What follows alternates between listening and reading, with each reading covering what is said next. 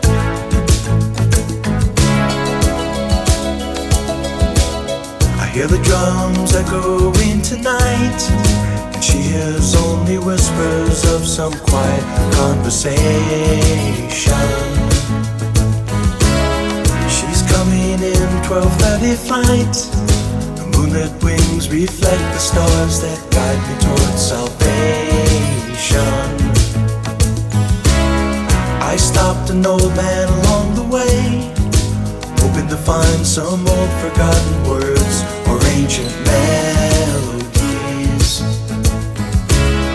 He turned to me as if to say, Hurry,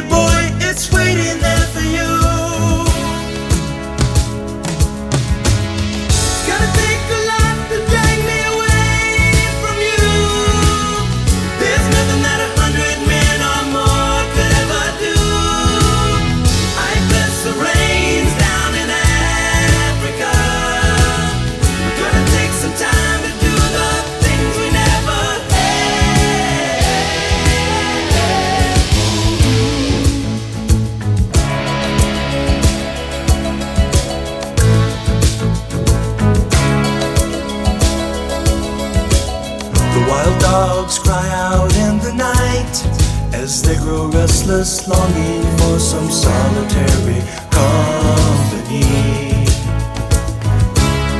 I know that I must do what's right, sure as Kilimanjaro rises like Olympus above the Serengeti.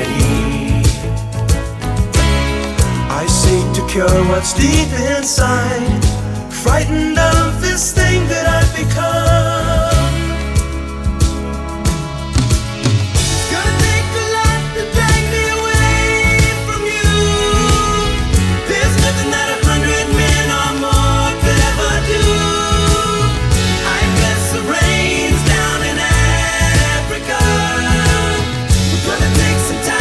Een hele goede middag allemaal aan de luisteraars van het infotainmentprogramma Safari Geheimen. Vanuit de radiostudio van Dorpsradio Laren in het Gooi. De zender voor Laren en omstreken en natuurlijk ver daarbuiten. Ehm, mijn naam, Frank Ransijn, oprichter van Safari Secrets. De specialist op het gebied van het beste safari-advies wanneer je op reis wilt naar Safari Afrika, de Indische Oceaan of India. 30 jaar reiservaring en 25 jaar werkzaam als persoonlijk reisontwerper zorgt Safari Secrets voor een once-in-a-lifetime reis. Naast ultiem genieten van de natuur en het grote wild kun je tijdens je reis een positieve impact achterlaten voor de natuur, wildlife en lokale communities. En hoe je deze twee aspecten het beste kunt combineren, nou, dat vertel ik je eigenlijk in al mijn radio-uitzendingen en podcast-afleveringen van Mijn Afrika, Mijn Wildlife. Iedere reis betekent natuurlijk volop genieten, maar heeft ook standaard een positieve bijdrage in zich. Vaak zonder het te weten. Tijdens iedere nacht in de bush draag je bij door middel van park- en concessiefees, die rechtstreeks terugvloeien naar de parken en of de communities. Safari Secrets richt zich op die natuur- en wildlife liefhebbers die de natuur ook echt een warm hart toedragen en hier hun hobby en lifestyle van hebben gemaakt. Ik heb vele klanten mogen adviseren die in 25 jaar soms wel meer dan 10, 20 keer op safari zijn geweest. Het zegt iets over de safari-koorts die mensen oplopen tijdens een bezoek aan een safarigebied. Meer en meer willen ouders hun kinderen of kleinkinderen deze passie doorgeven. Educatie en bewustwo- bewustwording is dan ook een onderdeel van de opvoeding geworden tijdens het reizen. Ik hoop je dan ook met dit infotainment-programma Safari Geheimen kennis te laten maken met natuur, wildlife gebieden en de mensen die hun leven hebben gegeven aan het in stand houden van deze fragiele gebieden. En ook vandaag spreken we met een van deze, of ook vandaag spreken we met een van de safari-helden. Ditmaal mag ik mijn gast van vandaag introduceren, Kelvin Kotter van Kotters 1920s Camp en Bush Villa in de Masai Mara. Een van de oudste safari-bedrijven in Afrika met een, met een historie van maar liefst meer dan 100 jaar. Well, it's about time to introduce my guest of honor today, Mr. Kelvin Kotter, owner and fifth generation family member of the famous Kotters family from Kenya. Kelvin is the owner of the exclusive Kotters 1920s camp and bush villa, situated in the exclusive Older Kessie, if I'm pronouncing that right, but he will tell me, conservancy bordering the Masai Mara. A family owned and run safari company with over 100 years of history. His grand grandfather started in 1919 with Cottar Safari Services at a time of a golden era of romance, professional guiding, adventure, and elegance.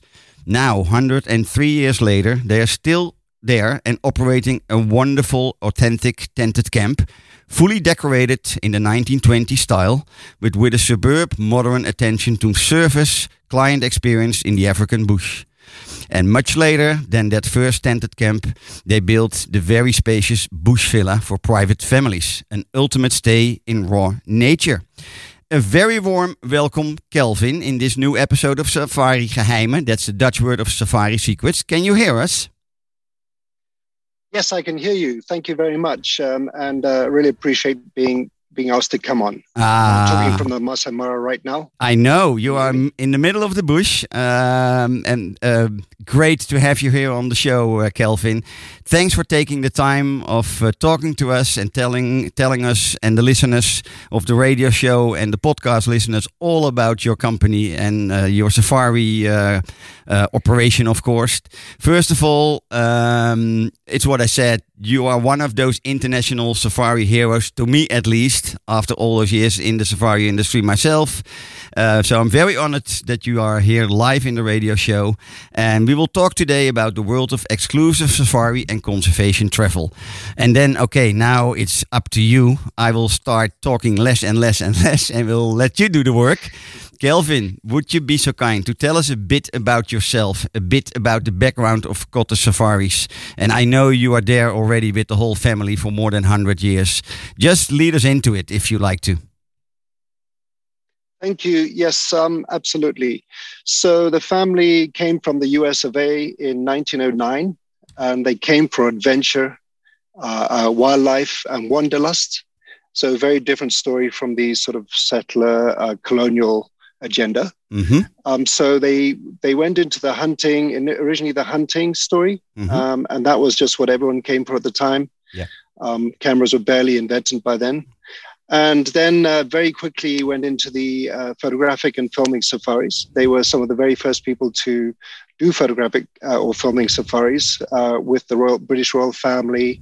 Um, uh, the the uh, uh, George Eastman, uh, the the inventor of Kodak, um, and amongst others. So so um, they were they were very advanced uh, uh, compared to their peers in the safari world. And we've always been in Kenya, but we have uh, done safaris all over Africa, from Botswana, Congo, Tanzania, Uganda, uh, Sudan, um, and of course my my own experience has been mostly Kenya Mhm. and and Tanzania. Um, we I basically realized quite quickly that um, there's probably no better life in the world than right here. Um, living in and in the Pleistocene, living in in a place where humans were designed to be, because our DNA all comes from here. And so, safari, what I realized was that a safari is something that all humans should experience, or just to be able to come back home and experience this uh, natural wonder that we live in. So, I'm very honored to be able to provide this to my guests today. Thank you, thank you. Wonderful. Um, am I? No, no. I'm not. I'm. I think I'm right. You started Cottar's 1920s camp in the mid 90s, correct? Yes, uh, yes, absolutely. Um, so, nine, uh, you know, the Cottars started the first tented camp in in Africa, as far as I know, in 1964. That was my father. Yeah. Uh, for photographic tourism. Yeah.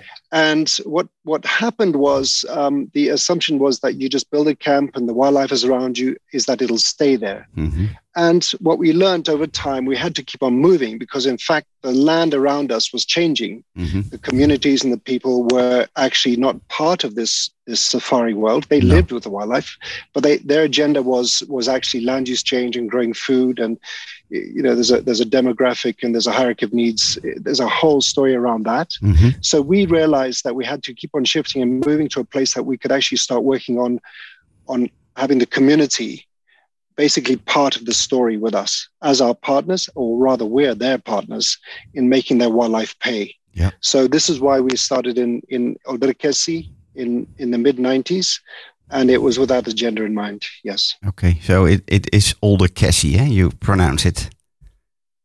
yes. Yeah, yeah, yeah. Okay, cool. Um, yeah, we will talk about that uh, hopefully a lot more later on uh, in this interview because I know you are very much into the uh, partnership with the local communities and, and with conservation. So I hope that will be a major part of our interview today, that you will tell us all about it. Um, if when you started uh, the camp, um, uh, you just actually said it already. eh, What makes you decide to open up this camp? But I think it is because what you just said about working together with the local communities to make them part of the whole operation. Also, was that your main objective? Yes, um, I think it was the understanding that the safari world was actually an, um, an inherited um, advantage by operators. Um, that you know, bottom line is that the money, the money that is quite substantial can, that can be made, was not necessarily getting to where it should get to. No. So our experiment here has been to start with a, a new a new uh, um, area that had never had money from wildlife Mhm. still had wildlife and was before they subdivided the land and had farms. So we had that opportunity to actually intervene or rather to provide another idea to the community. And they have taken it on full board and they're our partners, we're their partners in this incredible place and experiment. And all I can say is that, yes, it's a commercial company, it is a family business, but our partners are in the land in how we pay the funds uh, for, that are generated from conservation fees is to the community. So the short answer is yes. Yeah, yeah, This yeah. is, And this is I- our objective. And and I think uh, a lot of those uh, people within the uh, local community, within the conservancy, you probably know already from the start onwards, and uh, still your partner. So that's probably about 27, 28 years already. Absolutely. I mean, um, some of the, of course, um, some of our closest, strongest uh, youngsters now were seven years old when we started. Yeah. So you know, they're they're now the people coming to power and influence, um, and you know, young young elder young uh, the elder elder warriors becoming younger elders. And transitioning, of course, they're the ones that take the control, the reins of the community. So, yeah, these are these youngsters are, are now our our partners Yeah, yeah, and And- often our leaders. yeah. Yeah. Can can you say, Kelvin, that you were one of the leaders of making the safari industry a little bit more inclusive, or is that too much of honor? Well, I mean, I would I would say I am I am with a whole bunch of amazing people who see the the problem, and Yeah. the, the problem has been about uh, well, it's been partly self uh, looking after ourselves and our, our businesses because if you're in a national park or reserve, you just have, in fact, the land is secure already. hmm And in fact, um, there's the operators outside of the parks and reserves that are doing this work because around them they need wildlife. Mhm. Otherwise, their their operations, uh, you know, implode um, as there's no wildlife and land use changes. hmm So yes, I would say that in the Masai Mara, I'm I'm part of a group of uh, 47 lodges and camps um, who have leased. Uh, the model we use is, is leasing the land for conservation. Yep. And we have secured an area larger than the Masai Mara Reserve itself, so that 47 lodges Yep. have secured an area through Yep. leasing, uh, an area larger than the Ma- Masai Mara National Reserve Itself. itself. So yeah, yeah, yeah. We're very proud of that. Yeah. yeah. And I, I, um, I know this a little bit, but I will let you tell the listeners about it so they know how that all works. Uh, because I think a lot of people who do go out there for the first time they are probably not um, familiar with the fact that you have the reserve itself, and then, and then you have around it all those private uh, reserves, uh, conservancies. Sorry, you are just talking about, and that's such a big difference if you are in one of those private conservancies or if you are in the Mara Reserve itself. Correct? Yeah, I mean, yes, that is correct. I mean, the Mara Reserve is, is part of a network of national national estates, uh, national parks, national forests, national reserves that are, owned and controlled by either central or local government. Um, and in fact, uh, they their funding should be coming from the tax and tax base in the treasury which is mostly urban, you know, the industrial centers like Nairobi. Mm-hmm. This is where we all pay our taxes, and that should be what's funding them. Mm-hmm. So it's a bit of a fallacy that there has to be tourism inside national parks and reserves, especially when you look at the congestion and the tragedy of the commons sort of um, problems that one has in these congested parks Yeah. and reserves, Yeah. um, especially, for example, along the Mara River Yeah. in the migration period. Mm-hmm. So, uh, you know, the, the model that we have as an alternative, i- it's, it's really about creating more space or reclaiming space Mm-hmm. that has been lost that was formerly wildlife. When my great grandfather was, was around the area, there was incredible wildlife all, all the way up to Nairobi from the Mara. Yeah. And now I think the, the losses in the in the range of 80% of wildlife loss in Kenya over the last uh, 40 years. So this is all this is all in this area where people are transitioning um, uh, land use away from just living with cows and, and living with wildlife in a way, sometimes hunting them for protein, etc. Mm-hmm.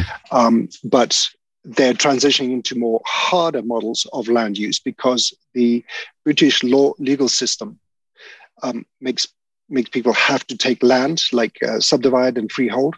Mm-hmm. So they have to fence it, and that's now they have to live there come drought or, or, or flood, and it brings stre- so wildlife has no chance in that scenario. No. And our opportunity here has been to lease the land that people, that the landowners, the, the Maasai, or here's the Maasai, but that they acquire. So we cobble together cooperatives of conservancies. And this has been our, it's much, much harder to be here than in a national park or reserve. And for sure, the future of conservation will be including people in some form or another. It is their land. Um, and the experience doesn't have to be any less. We see we see you know lions, leopards, elephants outside in, our conservancies as much as inside. Yeah, yeah, great. Yeah. Um, Kelvin, did you um, can you say that your objectives and goals when you started your first uh, 1920s camp uh, in in the mid 90s did those goals and objectives changes a lot over the years? Or just because of what you say um, yeah um, how do you say all the natural natural processes which are changing uh, uh, wildlife populations are changing uh, is is there a lot of changes passing by in those 25 years Oh, oh my goodness, um, absolutely. You know, in my early 90, in the early 90s, I was involved with uh, Kenya Wildlife Service and the Community Wildlife Service Mhm. under Dr. Richard Leakey, and of course, there I was exposed to the the data coming in about land use change and poaching and all that. So, yes, um, I would say that uh, you know. Absolutely, a massive change um, from the mid 90s to now. It's probably been a 25% loss of our total wildlife population in the country um, the forest forest area went down probably from 2.5% to 1.3% Mhm. of the country's area. And this is Mhm. land use change. Mhm. Um, and it's not to say bad people, it's to, to say people who have no choice. Yeah. Um, and um, they, they have to eat from their land. There's nowhere Yeah. else. There's no there's no um, national uh, um, so- social services to help feed people here. So yes, the change has happened. It's been drastic, and even just driving down from Nairobi today, Yeah. you know, it's, it's different from two weeks ago. There's a new fence line up, um, and this is I don't blame the people putting the fences up. They have No. no choice. Policy has not helped them clearly. So we, through the private sector, it's actually private sector uh, investors and private uh, landowners are making the change, and the government is listening very carefully and starting to change the laws to allow the conservancies model to be uh, favored or even a valid land use. So we, we are seeing a change from the government because of the effect of what we're doing. it's very positive. now. Yeah, yeah, yeah, yeah. How long is the drive from Nairobi to your camp, actually?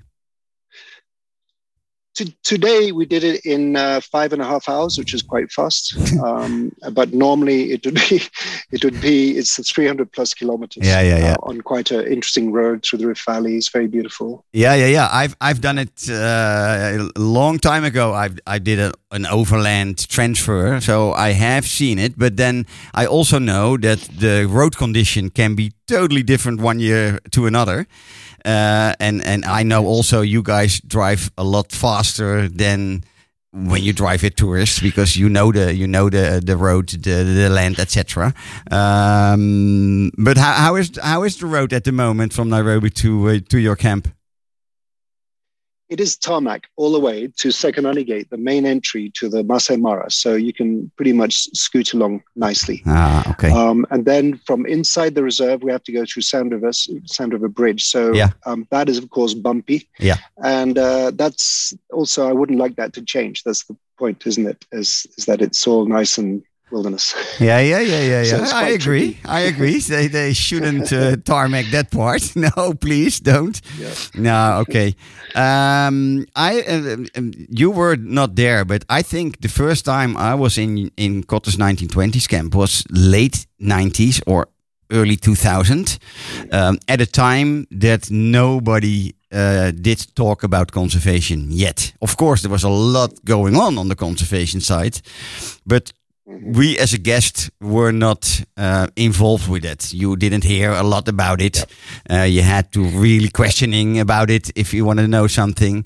Uh, and the second time I was in camp, uh, much later, I don't know the year anymore, but then at that time there was already also for me big changes happening, and uh, much more already visible of what you and what your philosophy is about conservation. We'll get to this um, in a few moments. Um, so that's it's it, even for me in two visits, um, I could see the difference. Yeah. Um, the question I have to ask, even it's not the best or the nicest question, um, we we are all um, coming out of a now quite a how do you say disastrous two years. How did Cottar how did Cottar survive COVID nineteen, uh, Kelvin? How did you do it? Thank you. That's actually one of the best questions that you could possibly ask me right now. It it the reason uh, the reason we survived was because we're we're not doing this just for money. Mhm. We're not a pure commercial entity. So it's not all about shareholder dividends. So we had the cash reserves um, to survive. We were very lucky that we had the cash reserves. Um, so it was 19, 2019 was a brilliant year for us Mhm. And you know we were looking at what we should do with it uh, Mhm. whether we should reinvest of course we were planning to reinvest it Mhm. um, but uh, when covid came we actually had to stop a lot of the capital improvements and changing tents you know tents are very expensive accommodations that you have to change them every five years so Yeah. we had a huge Yeah. job to do so we Mhm. we stopped that and we put it into trying to keep our staff going and uh, you know um, our leases going uh, our operations with the community going and uh, that's how we survived. And also, of course, two other most important groups of people was our former guests kept on coming, come Mhm. hell or high water, and we have guests who come back. Uh, the most ever is old Jimmy Stockton, friend of my father's. He's been out over fifty times, Oi. eight years on safari with us. So that it's not unusual to have people on safari with us for 25 times, 30 times, 15 yeah. times. I mean, this is um, the, the other group of people was just our, our um, guests who are willing to contribute, especially to the conservation Mhm, side. mhm. So, of course, Cottar's Camp without the, the, the big problem of COVID was generally the fact that if if conservation uh, is hinging on tourism alone, then we're in big trouble. Because when tourism collapses through a local, like let's say, political strife, or a, I mean, COVID was a big one, but Mhm. then then then what do people have? The our own our own conservancies were at risk of collapsing because there was no money, and they had set the land aside because they were being paid sustainable income Yeah. to keep it uh, uh, open. Yeah. And uh, so this this was an opportunity for us to approach our, our donors and our, and our friends overseas, who then helped us fund uh, the the uh, conservancy. Um, to to exist, um, and of course, the Masai Mara Wildlife Conservancies Association uh, did a great job in getting uh, um, funding as well.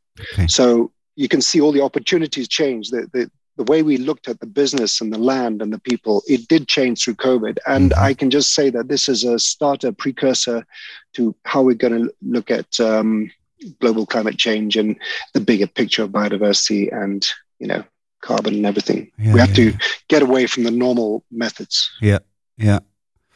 Now, great that uh, still a lot of people did uh, support you guys and, and keep coming. And um, yeah, uh, hopefully, uh, I, I think we are a little bit on the same on the same page at the moment. We are um, getting into how do you say that looser rules and regulations in Holland and, and Europe at the moment. Ah. Probably a little bit the same now in, in also in your in your area of Africa. Oh, yes. yeah yeah it's it's it's yeah we we are still uh, very anxious of saying it's all over it's not all over but we are getting we are getting into the light again we have the feeling is that your feeling too Well, oh, absolutely. I mean, I think that with Omicron and and uh, you know who knows what will happen in the future, but Mhm. certainly things have released that relaxed here. Yeah. And all I can say, there's no fear about coronavirus in in Africa. We're not concerned. We follow the protocols, but actually, you know, I live in Nairobi, and it's it's not the we we don't we're not worried about it at all now. No. Um, but of course, it was affected. But I think less so. I think there's a lot more natural. I don't know if it's resistance or ability or genetic genetic diversity and all Mhm. sorts of reasons. It's warmer here. It's got Yeah. more, more vitamin Yeah. D in the diet, sun and everything. So there's more less less negative effects and more confidence and positivity yeah about it, it. it sounds it sounds it's so much better in africa and then um, or in a in a in, in a certain way um, and then europe is quite how do you say that um, cramped in how they handled it. And and as let, let let's see uh, when you when you look at the Dutch government, for instance, and the travel rules and regulations in Holland, we are far behind of everybody. We are still we are still Crazy. talking about countries who are in yellow or orange, which means you are not allowed to travel What? there. You know, and and the Dutch It's were crazy. Yeah, I know. And the Dutch were always famous for being adventurous and, and very travel minded. And nowadays we are one of the last people who uh, get back into travel. Um, so it's, it's quite weird how that works. Okay, let's leave the subject COVID. Let's talk about the, the, the better things in life. May I ask you about um, a little bit more about conservation and your vision on conservation? It, I, it's a it's a very difficult question, but I know you have a strong a strong uh, thought to it. So would you uh, talk us through? Sure. Um, thank you. This is the question of our times, really, Mhm. because it's not just Africa. Uh, All of these things apply Yeah. uh, to all the Yeah. developing world, in particular, where our uh, iconic megafauna and majority of our biodiversity lives. Mhm. So the, the main issue that I see and have learned over the years is simply that if poor people have no choice but to convert their land to growing their own food, then they will have to do that. If we, the wealthier, the, wealthier countries of the world, and the travelers, the people who have have uh, um, disposable income and are willing to do philanthropy, if if we are to help world, it'll be in in how we treat people where the biodiversity lives. So, bottom line, what I'm saying is you've got to give them a fair value. So, what has to be sustainable is actually the income that they get from keeping biodiversity intact, not from its use, not from burning charcoal, not from um, doing even sustainable use of wildlife. Um, it's got to be about actually keeping, you know, a square, an area, an acre, a hectare, a, a square kilometer intact. Um, because otherwise they have no choice. So that what we have, what we do know is that if we look at the Western world, the developed world, we see that the majority of the population is urbanized, have joined the multiplier economy, and how have they done that? Oh, and why have they done that? They've done that because of agricultural development, as had they needed more space. But actually, for agriculture in the West, you need less and less space. The, the trend has been less and less space, fewer and fewer people growing more and more food because of Mhm. commercial farming Mhm. models, which are extremely efficient. If you look at the European Union, they uh, there's a multi-billion euro um, biodiversity funding to farmers not to grow food.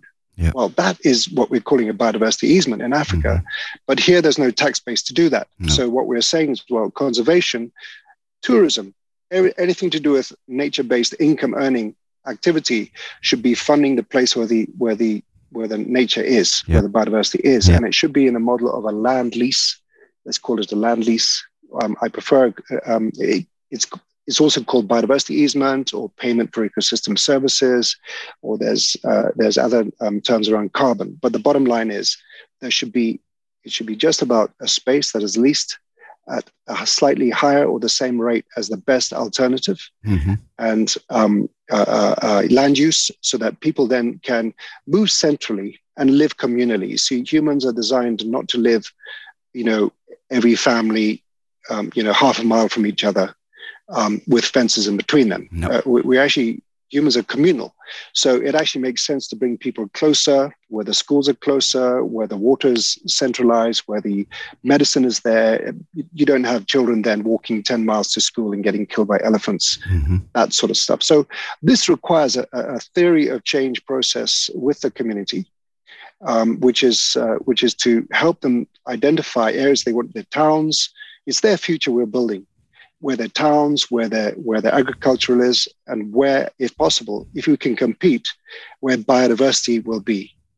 And it is not going to be them that decide that uh, from what is existing now, because the current policies do not allow them to benefit from the wildlife. Wildlife is owned by the state. They cannot use it. It's not like South Africa where you can just own an impala and Yeah, sell yeah, it and breed yeah, it and eat it. No, here it's a state asset. So we have found a way through this by just saying we are willing to lease that land. We're willing to convince you through a legitimate land use uh, um, uh, policy process that you agree that this is the way we go forward and you go forward. So we we um, we interlocutors, let's say we're I'm a, I happen to be a safari uh, operator, but it could be a carbon operator, it could be a philanthropist, it could Mhm. be anyone that wants to save wildlife and biodiversity and African elephants Mhm. could go to a community and say, um, I'm going to offer this for this space, for this critical corridor, or this particular place for endemism, uh, endemic species, and we're going to pay an opportunity cost not to do the other land use.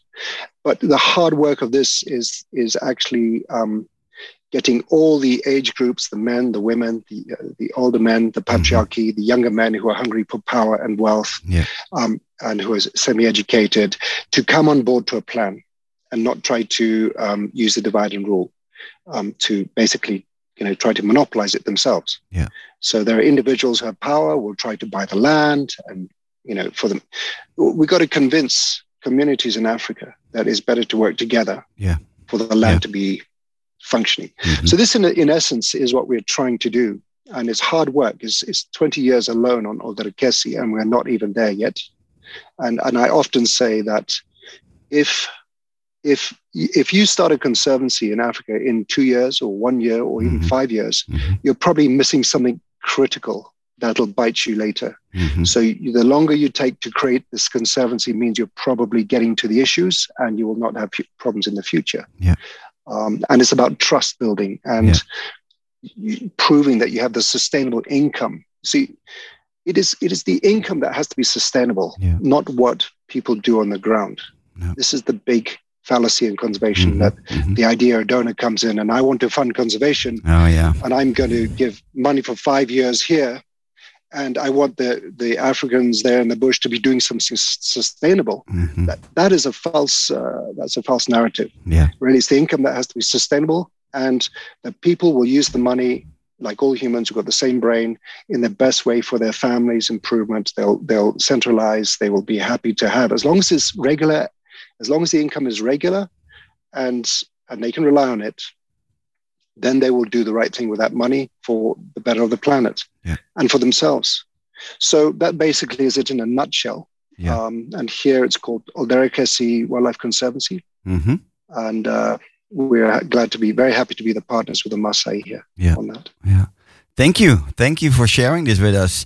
Uh, and and may I ask you, do you think um, you guys together with the communities and and conservancy uh, conservation is going the right way also around you or do you are you not that positive yet? Yes, I would say it's it's not about the Maasai and the landowners. Um, we get uh, I mean, in the Masai Mara uh, Wildlife Conservancy Association, I've, I've been on. I'm on the board. I've been there for six years. The, their biggest problem is turning away Maasai communities who want a conservancy hmm um, because there's the, the money's there. Uh, The problem is that where's the money to commit to them? Yeah. So, um, does it take a, a, lodge owner like me being every in every conservancy? Um, I can assure you, when you look at the the size of Kenya, and you realize that 70% of Kenya's wildlife is covering 70% of that land area. We're talking about 4,000, uh, it's, it's 400,000 square kilometers. It's, it's, a, it's an amazing amount of land. So, Mhm. no, that's not realistic. We can't have tourism everywhere. Yeah. But what we can do is make tourism where it is work better by contributing to a fund towards leasing that land. Yeah.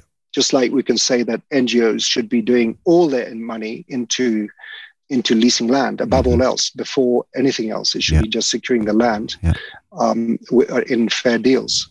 And, and then you'll see conservation working. So the Mara Conservancies Association, 15 conservancies, are still growing at about between 15 and 20% per year. hmm So it is it is working, but we could be 50% bigger tomorrow if we had the money.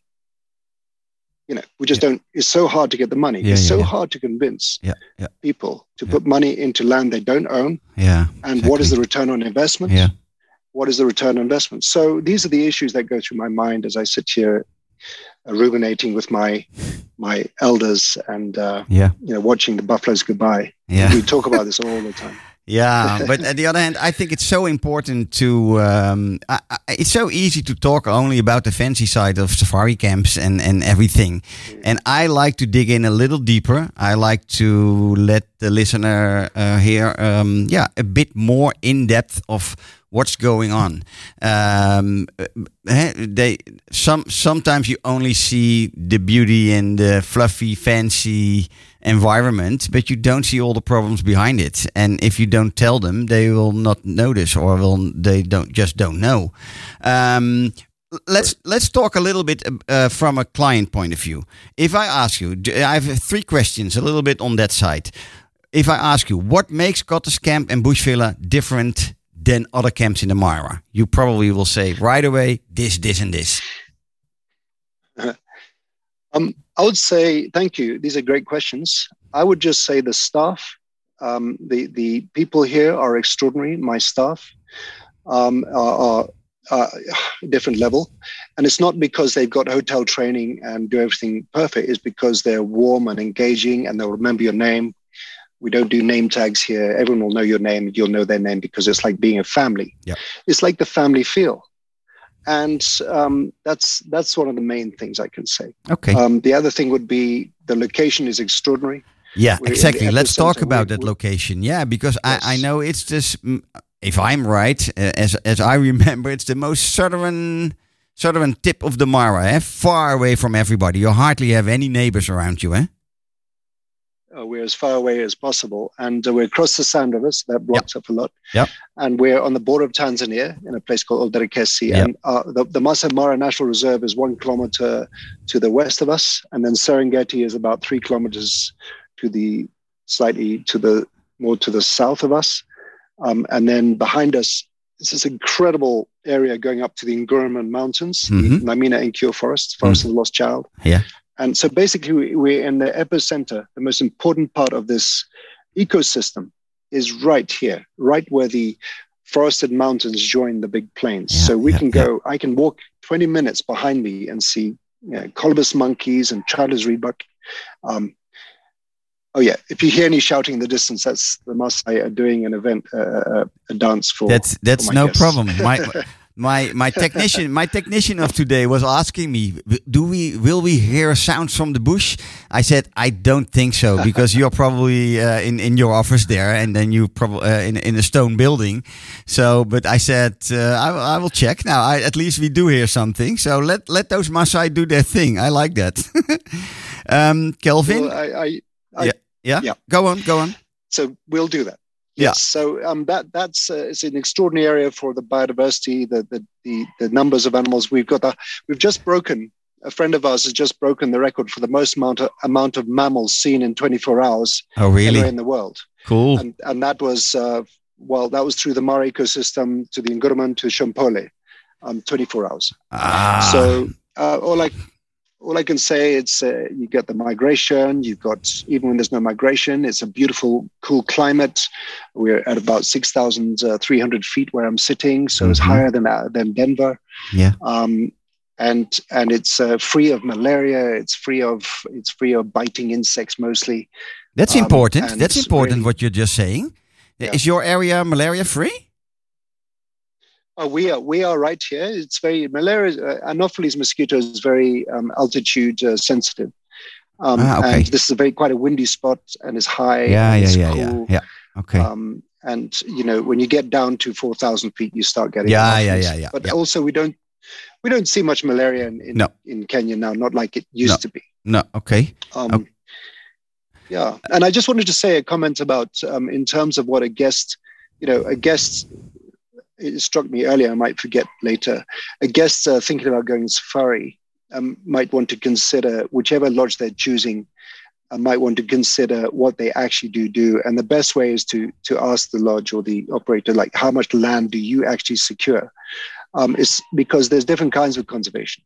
Um, and this is a good marker of, of, of conservation because there are many inside the national reserves and parks that they say do good stuff, but how much land do you actually secure? Yeah. And that is a false narrative.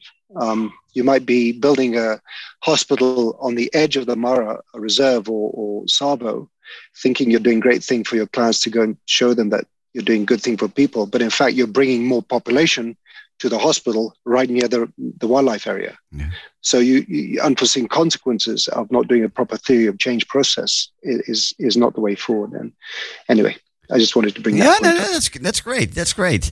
Hey, um, um, um, something uh, you you're just mentioning the name Shompole. I've been to Shompole myself years back. Is it ever going to be opening up again, or will it always be closed? It is Shompole. Shompole is in a bit of a a bit of a um, wrangle between the community members there, Yeah, I and know. so it is closed now. Yeah. But uh, I think it's there's an opportunity for someone to to work there. Yeah. I haven't been able to get there, but uh, what an amazing area! Exactly, and uh, it What was such a wonderful lodge, also. Uh, and my next question, um, that would be my answer. But my next question to you: If you would, as a guest, combine Cottars with another safari camp in Kenya, what would this be from from your favorite point of view? Well, um, there are some extraordinary places in Kenya, um, and I would say you could come on safari as as Jimmy has been many times and and see a different thing every time. Um, the, in terms of uh, lodges and properties, you're looking primarily for owner managed because you're going to get it more heart and soul. Exactly. Um, but it doesn't mean to say that that corporate lodges can't be incredible and amazing, Mhm. and they are hmm they they they have probably got even better food and I'd say better hotel services than the family lodges. true. Um, you know, I would just say uh, anywhere that's visibly going overboard on trying to express their conservation and community efforts, um, they're they're important to support. You know, um, and and again, you've got to have some some awareness of how do you define a true conservation message and a false one. So basically, it's about where they are. If they're in a community land with a conser- community conservancy, that's the best. Um, if they are owner managed, that's fantastic. Um, so I don't know. There's there's I'll just say that up up there in the north is Sarara and Sirikoi, um, Ol Jogi, uh, um, Segera. Uh, you know, in, Okay. around the Mara, there's 150, Yeah, yeah, so yeah, yeah. lodges around the Mara. Yeah. So, so I'd say, I would say that any, any again, any of those 47 lodges in the Mara Conservancies Association uh, conservancies, Yeah. um, and and and make sure that they're the ones that are actually part of it, because there are some lodges within within the conservancies that are not actually contributing, and they just drive to the reserve and back. They, they're not actually part of the conservancy. No. So, yeah, I would say. Ah, but I ju- at uh, I, I just wanted to, I w- just wanted to let you create one of my safari secrets for people who are going to plan a trip. Okay. So you, you you mentioned some Uh, great places. I think I just I was missing Yes. one. I think you didn't you didn't mention Ol Malo, but I probably think uh, that's oh, also was great. Yeah, yeah. Oh, yeah. okay, cool. And when you mentioned Saba's great. Uh, Yeah, yeah, yeah. But um, again, when people think, yeah, I, I need two or three different places to combine, that, that's why I want to Yes. hear, hear from you uh, your favorite places. Um, Kelvin, another thing. What would the client feel and experience when in camp about the whole conservation site, Or do, do they have to question about it or will it be will it be incorporated in the whole experience? Thank you. What a great question. This has been one of the you. biggest shifts and changes. Yeah, because you know we we uh, we clients guests uh, guests come here not to be thrust into a university degree course. You know, and Mhm. and that's our challenge is that um, this is our opportunity because we're not there in a university course educating Mhm. people we're here living it and, and and you know when we have guests here we tend to go overboard you probably got a sense of it just in this podcast where I, i'm going to quite a lot of detail and maybe maybe losing you or some folks i lose myself sometimes um, with my rabbit holes but basically the, the, the the answer to your question is that when people come here, the priority is their is their safari enjoyment, time with their family, Mhm. and experiential travel that are memories made forever. That's our real job. But while they're here, and if they're interested, then we have processes within the camp, including um, impact activities, talks, and of course the guides.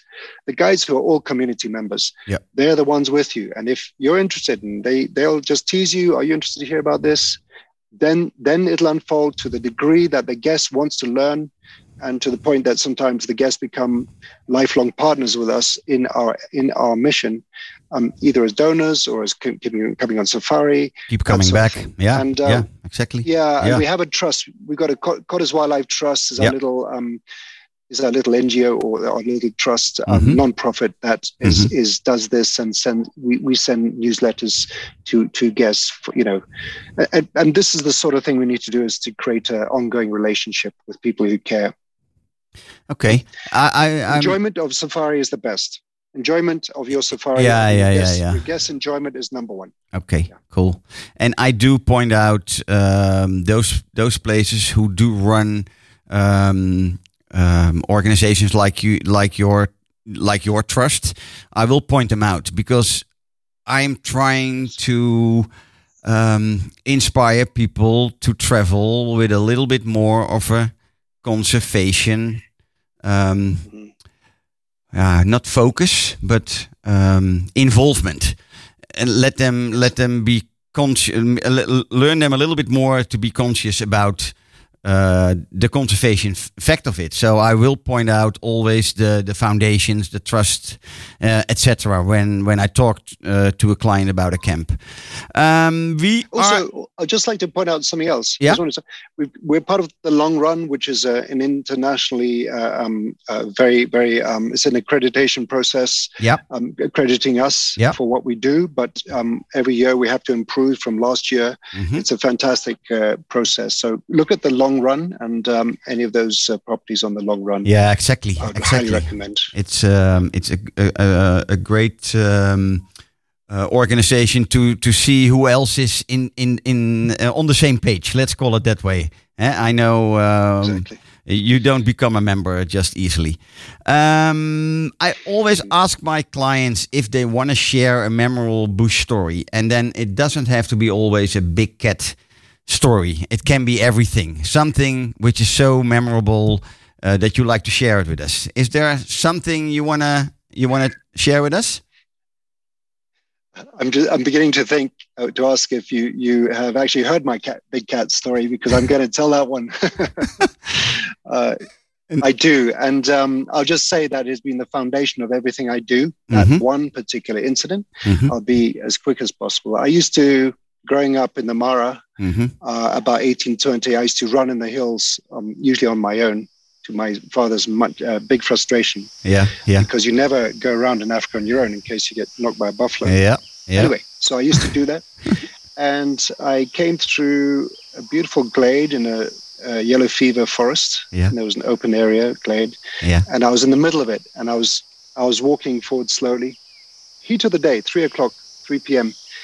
And I saw the a leopard's tail coming towards me from long grass in front yeah, of me. yeah, And I basically, I just stopped and I had the choice. Either I you know, every animal has a, a flight distance where it feels safe to run away. But if you are within the flight distance, it could potentially give you a scratch, chase you, maul you, whatever. So leopards' flight distances can vary, but is probably 100 meters, you know. So this animal is well within 100 meters. So it, it's coming towards me. It hasn't seen me, and I'm staying dead still. Mhm. And I and I just make that calculate. Well, let me just see what happens. so I stayed dead still. I mean, Oh. literally not even moving my, my eyes. So this cat, she comes to the edge of the grass. She looks. She doesn't see me because you know what? All animals see movement. Yeah. Without without movement, they don't see you. If you're not too contrasty, and if you're not a primate, primates primates can see you without movement. If you're if you're dead still with a primate, they'll see you, but not a cat. So she decided all was clear, and she came right to me without seeing me. Yeah. She literally five five feet from my from me, she walked past me without realizing. But of course, now she's gone behind me, and I stayed as long as I could, like 20 minutes without moving, in case she was sniffed me and then Yeah, yeah, yeah, yeah, sat yeah. down and was watching or something. So, so that was a shaky moment because I Mm-hmm. was exhilarated that I, that I had out competed the most competitive animal out there. They have every sense. They're super slick. Those animals. Wonderful. So, but the but the real takeaway from this is that I wanted my guests to experience this kind of exhilaration in the future. So that very much defined my future, what I'm doing.